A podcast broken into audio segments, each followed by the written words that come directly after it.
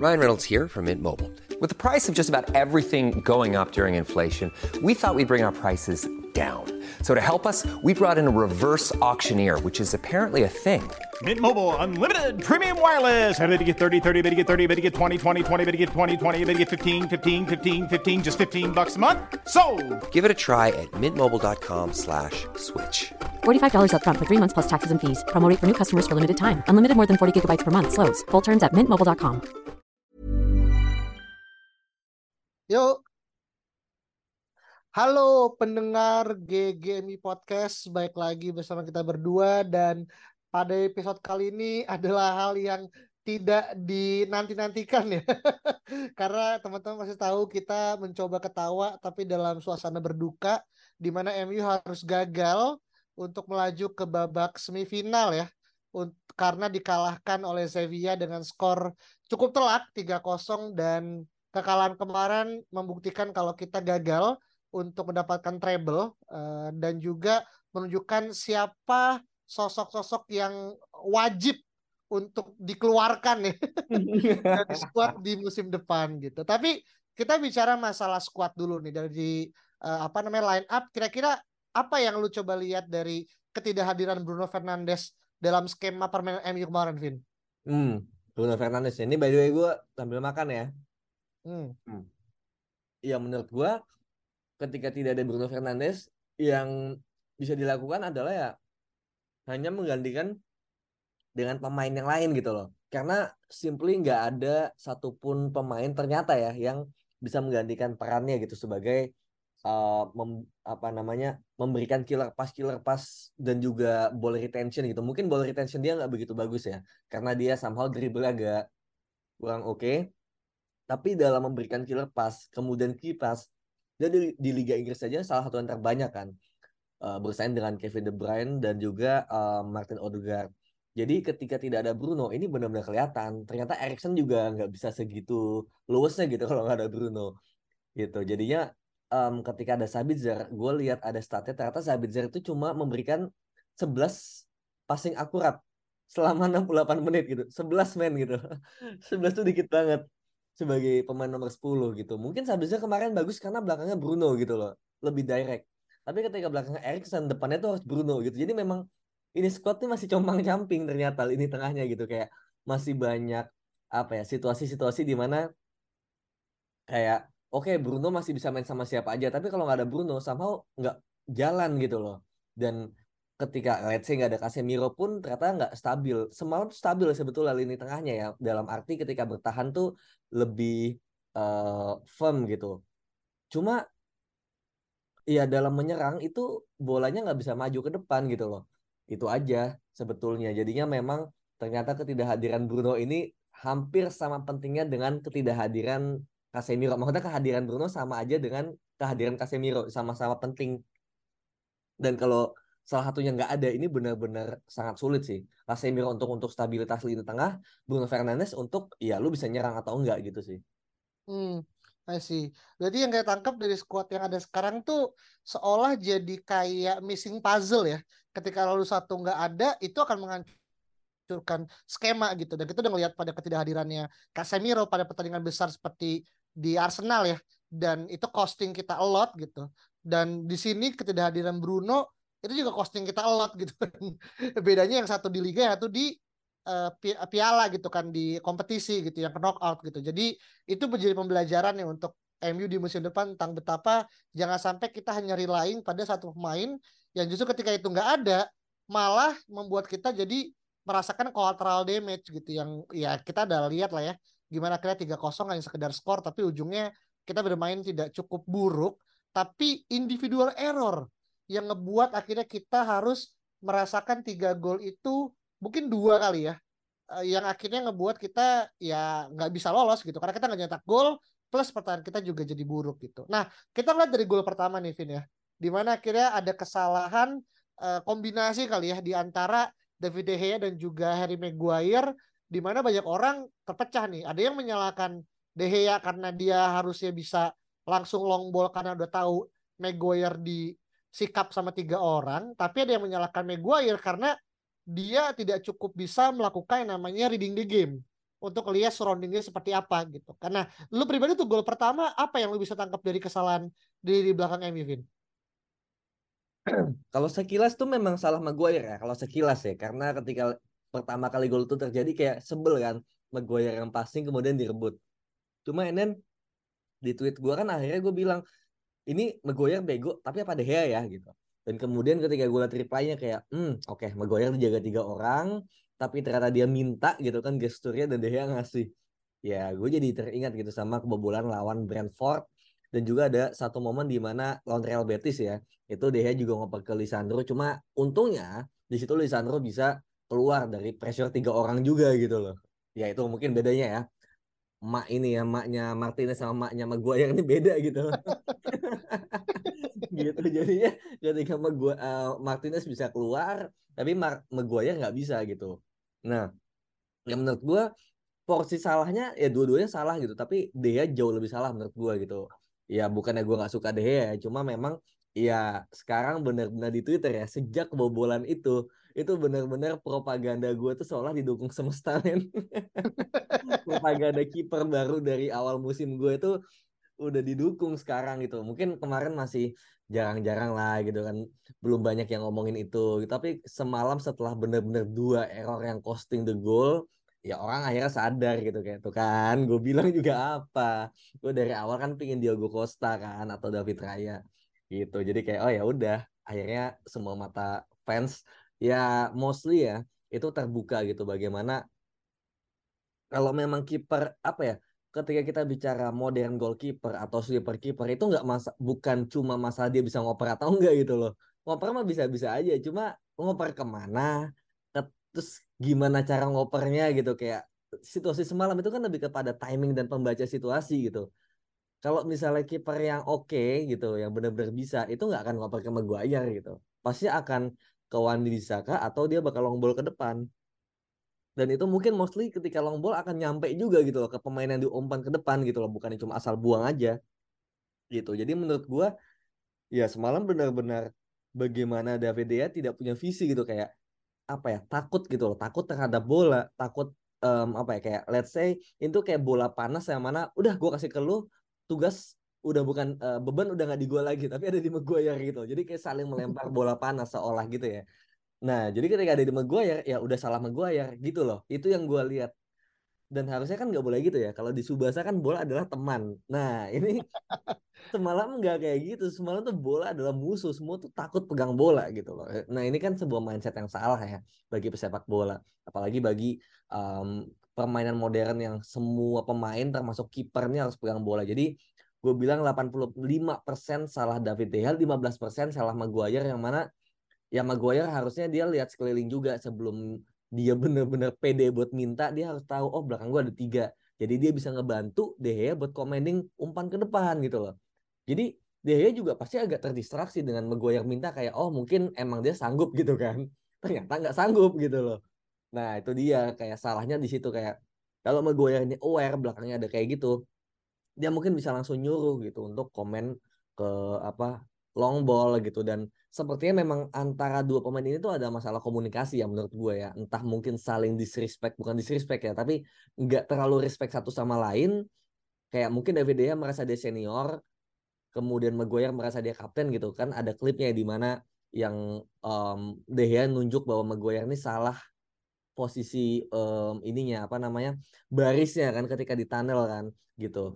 Jadinya gue merasa bahwa dua pemain ini tuh sama-sama merasa sosok senior yang ha harus dihormati gitu menurut gue jadinya nggak saling respect each other malah adanya clash dan semalam ada momen di mana Maguire sempat ini ya apa kasih gestur apa ya kayak lu shut up atau suruh ngomong gitu. Gue nggak tahu itu gesturnya apa gitu. Tapi yang megang tangannya kayak gitu gitu lu tahu kan maksud gue kan gitu. Iya iya. Karena nggak ada gambarnya jadi nggak bisa nunjukin gitu. Itu gue nggak tahu maksudnya apa kayak yang nyuruh David ya lu ngomong dong lu mau apa lu ngomong gitu. Entah itu atau kayak udah lu diem gak usah banyak bacot gitu. Nah kita nggak tahu yang mana yang dimaksudkan cuma memang sepertinya dari awal ya dari mungkin beberapa musim yang lalu memang antara kedua pemain ini tuh ada ada problem lah. Entah komunikasi atau apa kita nggak ada yang tahu bahkan ada ada gue pernah baca berita di mana back back MU ini lebih merasa secure ketika belakangnya adalah Dean Henderson. Kenapa? Karena commanding gitu loh. Udah, masalah commandingnya aja, bukan masalah em, berapa steps yang bisa dibuat, seberapa bagus refleksnya, tapi lebih ke oh belakang gua ngasih koma- komando yang bagus nih, gue jadi tahu gue harus ngapain gitu. Jadi itu mungkin sedikit em, apa ya kayak Hmm. gambaran betapa ya dia ini commandingnya masih jelek itu. I see. Dan kalau gue coba ini ya, mungkin menambahkan eh, terlepas ini mungkin bisa jadi bagian dari propaganda, tapi gue nganggap ini sebagai fakta gitu. Dan gue nangkapnya dari Swa, Squawka Live ya. Bahwasanya tidak ada Premier League player yang ngebuat error leading to a goal sco- uh, uh, goal across all competition dan David De Gea semenjak awal musim itu ada lima gitu kan. Jadi ini adalah hal yang nggak hanya di apa namanya di Eropa ya, tapi juga di liga lokal pun juga ya De Gea melakukan kesalahan yang udah tercatat yang paling banyak gitu dan mungkin di compare dengan goalkeeper lainnya meskipun kita pernah bahas kan kalau ngomongin masalah stop stop uh, stop stopper gitu kan atau shot stopping gitu dan dia masalah kayak clean sheet dan segala macam gitu mungkin kita masih bisa ngelihat dia as in cuman kiper tradisional dia mungkin still out of the top ya top 3 lah gitu tapi kalau kita ngomongin kayak kemarin di pertandingan besar gitu yang ngebuat mungkin setiap langkah akan menentukan hasil kemarin kita udah ngelihat gimana akhirnya untuk ya kali kesekian di musim ini deh ya costing kita gitu kan. Dan ini kalau gue mau lihat ya pertandingan antara MU dan juga Sevilla gitu.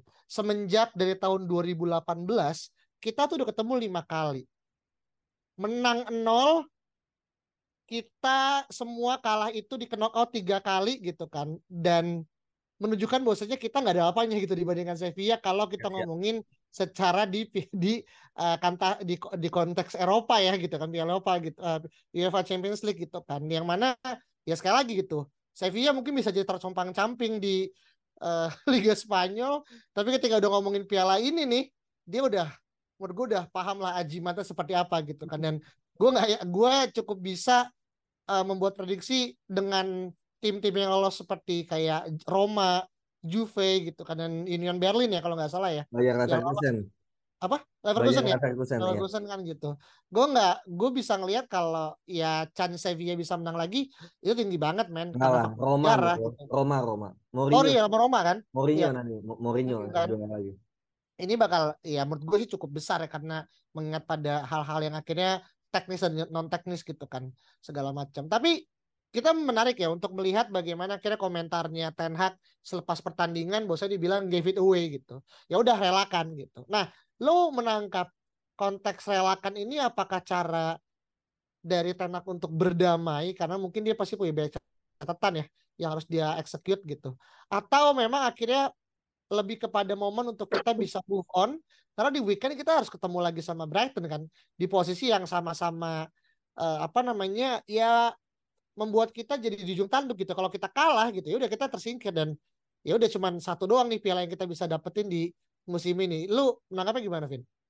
Iya, gue lupa ya maksudnya Ten Hag pernah ngomong gitu ya give it away gitu. Ya, ya itu part of ikhlas aja sih menurut gue gitu dan itu itu udah benar gitu karena buat apa lu mourning terus-terusan lu sedih gitu kan kayak ya udah lu udah lewat kemudian recovery lu juga cuma dua hari and then nextnya bakal ada pertandingan yang menentukan juga di knockout di semifinal lawan Brighton gitu. Jadi ya memang harus give it away gitu lah harus merelakan memang udah lu kalah tapi lu bounce back gitu. Lu harus um, bermain lebih bagus lagi gitu karena dari apa yang terjadi semalam itu terlepas dari masalah teknikal ya itu masalah attitude juga jelek banget gitu loh ini untung lawannya Sevilla gitu. Kalau lawannya Liverpool lagi ini bisa 7-0 8-0 gitu persis asli deh. Kayak yang disayangkan adalah ya itu gitu. Kayak benar-benar pemain MU ini mentalnya masih rendah lah gitu. Masih belum sebagus itu. Karena di tujuh menit awal sebelum kebobolan tuh mainnya bagus sebetulnya. Kayak sirkulasi bola dan bahkan ketika kick off ya itu gue kaget. Biasanya MU bakal long ball kan ke depan kan. Kayak kasih ke back kemudian backnya long ball ke depan. Ini enggak men dia oper-oper pendek gitu loh dari awal. Berarti kan memang lu mau megang position dari awal lu mau kontrol permainan dari awal. Makanya dari awal tuh MU bagus pegang bola. Cuma sama tiba-tiba satu kesalahan itu gitu loh. Jadi dan sejak itu Sevilla langsung semangat langsung pingin golin lagi dan bahkan sempat golin ya gol kedua sayangnya offside.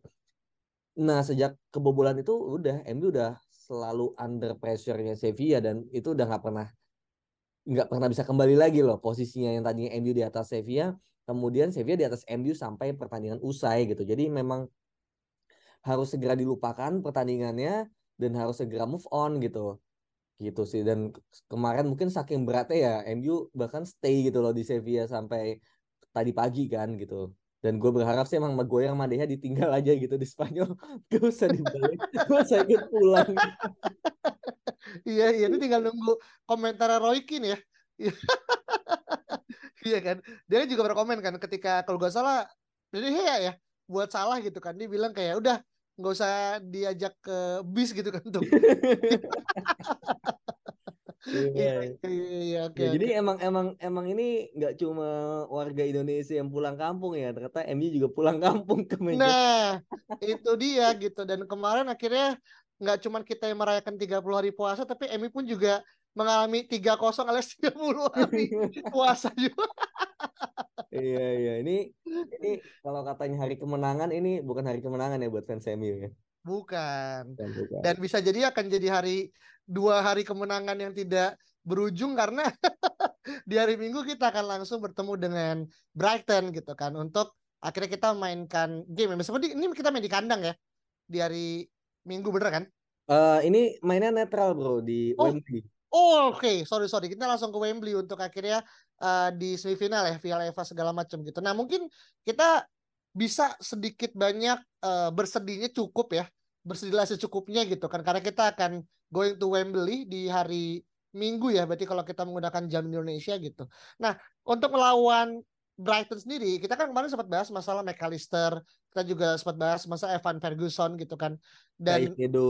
Iya juga gitu. Jadi Brighton ini bukan bukan apa ya bisa dibilang tim yang jarang disebut di podcast kita apalagi di dua bulan tiga bulan terakhir gitu. Nah, lu ngelihat dengan squad yang ada dan mungkin hasil yang kita miliki selain daripada Bruno yang udah datang ya dan itu pasti akan membuat satu boosting yang sangat tinggi. Lu ngelihat apakah ini harus menjadi pertandingan sebagai redemption karena simply karena kita kalah eh, atau memang masih ada faktor-faktor non yang bisa menyelimuti eh, MU apalagi lini belakang kita masih akan ya melihat ya Maguire dan juga Lindelof main gitu selain daripada Xiao yang udah mungkin eh, fit ya dan juga Malaysia yang juga udah bermain segala macam kira-kira gimana Vin?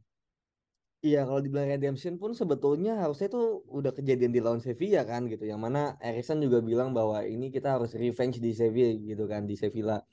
Cuma ternyata memang nggak bisa gitu loh. Jadi ketika sekarang kita mau balas mau bounce back, ya gue jadi nggak yakin gitu kayak bisa nggak sih gitu loh. Apa iya cuma karena satu pemain gitu kan dengan datangnya Bruno and then bisa berhasil gitu. Gue juga nggak tahu gitu loh. Jadi sejujurnya gue ketika lawan Sevilla kemarin itu agak nggak yakin ya sebelum diumumkan bahwa empat pemain kita kembali. Cuma dengan kemudian hasil kemarin, kemudian Martial ternyata cedera lagi ya gitu kan. Dan kemudian dengan David De Gea blunder dua kali yang aduh parah gitu kan. Benar-benar parah gitu. Malu gue liatnya gitu. Kemudian em, back line kita juga apa ya seolah dengan tidak adanya Lisandro dan Varane meskipun Varane dari sisi em, apa ball playingnya nggak terlalu bagus ya tapi sama mereka berdua ini klop dan bisa koordinat satu sama lain gitu loh kayak bertiga nih ya David De Gea, Varane, Lisandro ini sama nyambung gitu loh. Nah kalau bisa diganti satu atau dua, wah itu udah nggak nyambung gitu loh. Meskipun nggak dibilang jelek secara teknis, tapi sama kayak misterinya nggak ada gitu loh. Nggak tenang kita melihat eh, pertandingan itu gitu loh. Nah dari situ gue melihat jadi nggak yakin gitu kayak ini bisa nggak ya?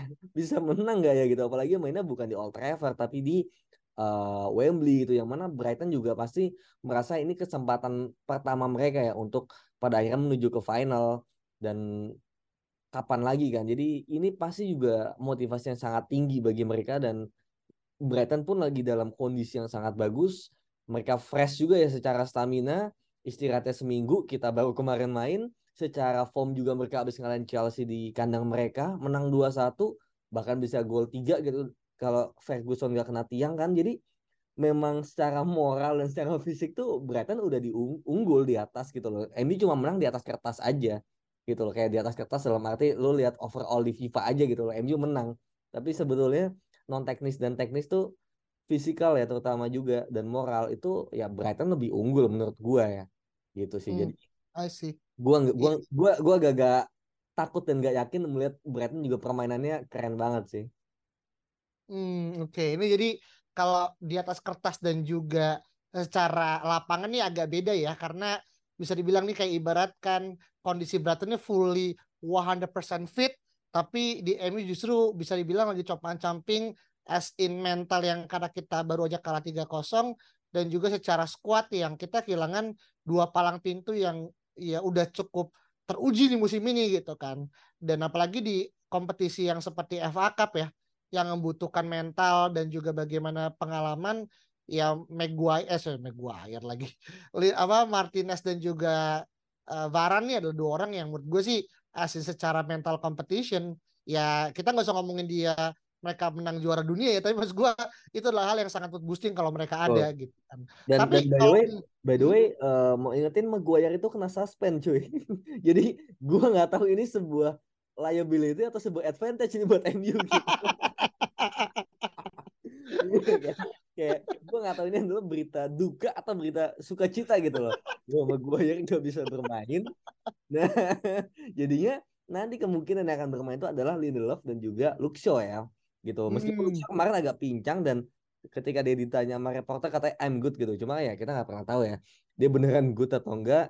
Tapi dengan ada eh, siapa namanya Lindelof dan Shaw memang kelihatannya bakal eh, gam kita bakal dikalah gampang dikalahkan lewat udara ya. apalagi punya Louis Dunk ya yang bagus dalam duel udara jadi memang agak mengkhawatirkan sih Lindelof dan eh, Luke Shaw ini gitu.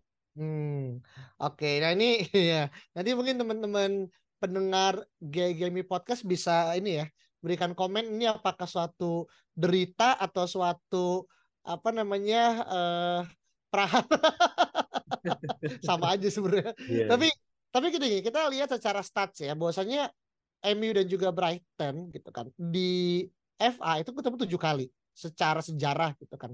Di mana akhirnya kita meraih lima kali kemenangan dan dua kali imbang gitu kan. Dan dalam tiga tren eh, apa namanya terakhir kita tuh menang gitu kan eh, lawan Brighton gitu kan. Jadi kalau ngomongin secara statistik ya ini gue juga lihat dari eh, Tribun gitu kan. Ya apa namanya kita punya rekor yang bagus lah. Dan terakhir kali pertemuan kita dengan Brighton di FA Cup itu terjadi di babak eh, perempat final di musim 2017 2018 di mana kita menang 2-0 lewat golnya Romelu Lukaku dan juga Nemanja Matic gitu kan. Dan saat itu juga Brighton baru pertama kali tuh promosi ke Liga Inggris gitu. Tentu nggak bisa apple to apple ya eh, dengan Brighton yang dulu dan juga sekarang gitu. Cuma menurut gua itu ya bisa dijadikan suatu apa ya?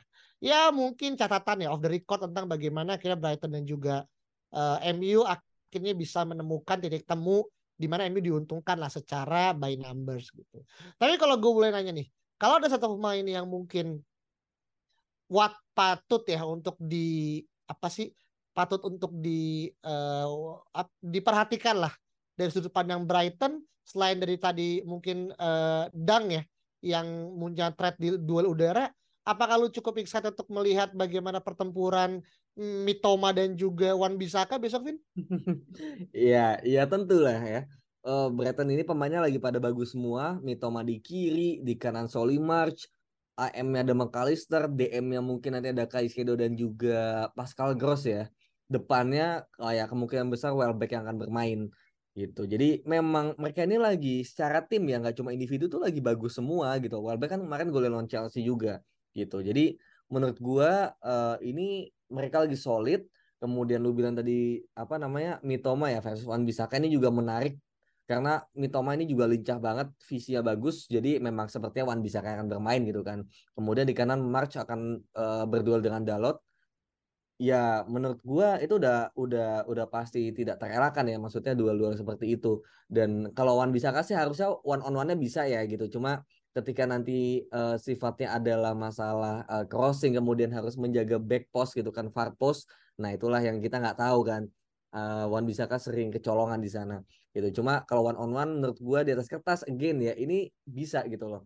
Apalagi em, kita tengahnya juga komplit bakal Casemiro, Erikson dan juga Bruno paling ya depannya aja nih gua nggak tahu apakah Martial fit atau bakal Weghorst yang bermain atau kalau Rashford nanti ternyata udah fit dia bakal menurut gue bakal di striker gitu. Dan ya Sancho meskipun flop gitu kan dari kemarin mainnya nggak jelas gitu. Cuma menurut gue masih bakal bermain di kiri karena ya kayaknya daripada Weghorst yang tidak mobile ya gitu kan menurut Ten Hag sepertinya bakal memilih Rashford yang di situ gitu. Jadi menurut gue pertempuran malah sepertinya bakal ada di apa ya di tengah juga gitu loh Caicedo, McAllister dan juga Pascal Gross ini akan berduel dengan tiga midfield kita gitu. Dan itu sangat menarik di mana kita banyak membahas pemain Brighton ya McAllister dan juga Caicedo. Dan kita bakal benar-benar melihat apa yang akan terjadi gitu loh dan apakah Caicedo memang udah layak menjadi pemain yang akan pindah ke next level gitu dan juga mungkin ya tadi gue bilang ya Luis Dunk dengan uh, duel udaranya itu juga menurut gue adalah hal yang sangat-sangat harus diwaspadai gitu ketika corner kick ataupun ketika uh, set pieces lainnya kayak free kick dan lain-lain gitu. Dan build up juga sangat bagus ya mereka. Mm -hmm. Eric Steele kipernya atau Sanchez sama-sama bagus gitu. Jadi apa ya? Ya menurut gue kita nggak akan bisa pressing gitu loh karena pressing kita masih berantakan. Jadi menurut gue ya kita akan mid block akan menunggu di tengah dan di tengah baru kita hajar gitu sih. Jadi kayaknya dari sisi possession kita juga bakal kalah sih. Itu itu yang bisa gue lihat sih kita bakal reaktif kita, kita, kita banyak kalahnya kayak sama iya, iya. kita bakal reaktif mainnya iya iya iya oke okay. dan uh, kalau misalkan baik lagi ya ke bagaimana akhirnya Piala Eva sendiri gitu kan. Kita tahu bahwasanya MU udah mengoleksi 12 gelar ya hanya kalah dua uh, lawan Arsenal. Karena Arsenal 14 MU 12 dan Brighton akan mati-matian karena uh, terakhir kali dia gel dia meraih gelar juara tuh itu di tahun yang cukup lama gitu kan. Di tahun 1871 gitu. Hmm. di mana apa namanya eh eh sorry bahkan belum pernah sorry belum pernah merasakan gelar juara Piala FA semenjak gelar Piala FA tuh dimulai tahun 1871 1872 gitu kan jadi ini adalah kalaupun akhirnya Brighton terus bisa lanjut ya uh, ini adalah gelar pertama mereka gitu. Jadi mungkin itu uh, terkait dengan review dan juga preview. Tapi untuk, ini terakhir. Ya, gimana? Iya, lu yakin nggak MU lolos? Seberapa yakin lu MU lolos? Kalau masalah seberapa yakin, tentu sebagai fans yang optimis ya, gue masih bisa ngelihat MU punya chance gitu. Apalagi uh, satu ini bisa menjadi momen uh, mengembalikan keadaan. Karena kan kemarin juga gue ngerasa gini ya, damage yang dirasakan oleh pemain MU ketika kalah 3-0 tuh hampir mirip dengan kita kalah 7-0 lawan Liverpool ya gitu kan yang mana bedanya satu main di knockout satu main di liga gitu tapi sama-sama berpengaruh asli secara uh, mentally wise tapi kalau kita lihat pasca pertandingan lawan Liverpool kita menang kan minggu depannya kan gue lupa lawan siapa kita setelah lawan itu Betis doang anjir lawan Betis 1-0 terus lawan Southampton 0 anjir jadi sama aja ya tapi ya gue lupa ya ya Betis berarti ya gitu tapi itu bisa menjadi suatu catatan sejarah kalau MU punya mentalitas yang bagus ketika kalah dari suatu tim dari dalam suatu kompetisi gitu. Yang mana harapannya itu terjadi lagi gitu. Mau satu kosong kek, mau dua kosong gitu. Yang penting kita masih bisa panjang nafas sih. Walaupun nanti kita tahu ya di final kita akan mau lagi ketemu sama Manchester City gitu yang Aduh. secara lawan mereka juga ngelawannya Sheffield United gitu. Udah ngomongin final aja nih. Iya. kita kan melihat di sebelah gitu kan di pot sebelah yang mana Iya City menurut gue sih akan sangat mudah ya melenggang kangkung gitu kan. Bahkan dengan skor yang menurut gue akan fantastis gitu. Uh, jadi ini akan menjadi momen pertaruhan sih. Entah kita bisa kalah di semifinal atau kalah di final gitu. Tinggal milih aja gitu. Kuburan mana yang mau kita gali lebih awal.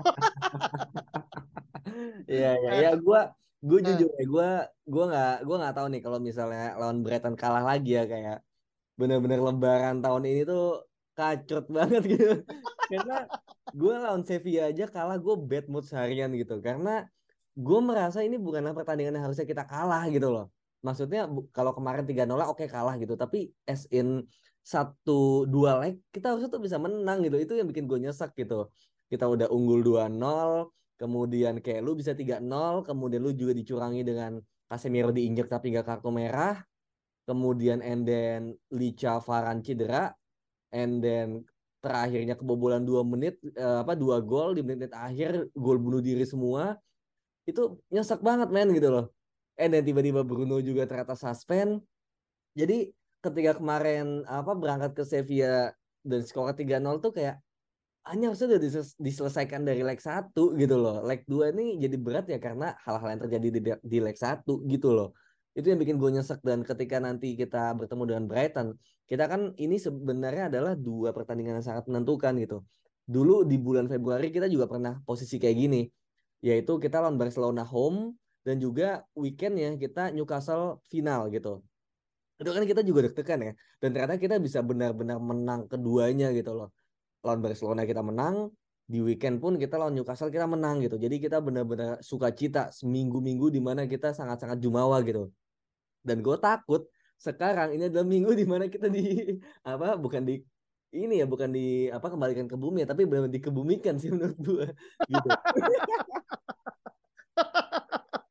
gitu loh kayak anjing banget gitu kalau ternyata di sini kita kalah lagi dan wah nyesek sih gue apalagi nanti weekdays-nya lagi kita lawannya Spurs away gitu. Jadi benar-benar sulit. Setelah Spurs away kita lawannya home Aston Villa yang lagi bagus-bagus ya. Jadi ini benar-benar dua minggu yang sangat-sangat berat ya menurut gue gitu. Jadi gue berharap at least dari sisi teknikal gue nggak yakin MU kalah, tapi mental please gitu.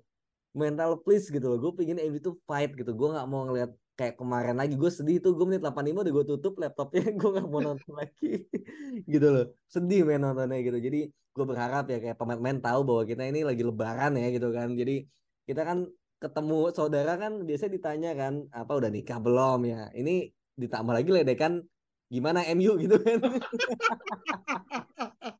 Kan bete gitu. Jadi ya jangan sampai ya momen kita mudik ini ternyata adalah ya MU udik gitu loh jangan sampai gitu. Aduh, pertanyaan kapan nikah tuh nggak ada seberapa dengan gimana MU kayaknya. iya makanya anjing banget emang nih aduh Iya iya iya iya. Oke nah ini banyak ya anak-anak lucu gitu kan yang akhirnya terjadi antara momen kemarin kalah dan juga nanti akan lawan Brighton. Tapi sekali lagi kalau teman-teman punya pendapat berbeda dan punya hal yang ingin diutarakan uh, kekesalan gitu kan kekecewaan termasuk rasa ingin marah gitu kan karena mungkin sudah selesai puasanya gitu. Besok jadi uh, pintu dosa dibuka selebar-lebarnya untuk mengungkapkan apa yang akhirnya tertunda gitu kan. Jadi dipersilakan untuk reply aja di Twitter kita at ggmi podcast dan sekali lagi jangan lupa kasih bintang 5 dan follow Twitter dan juga Spotify kita. Kita ketemu lagi pada momen berikut ya. Bye bye.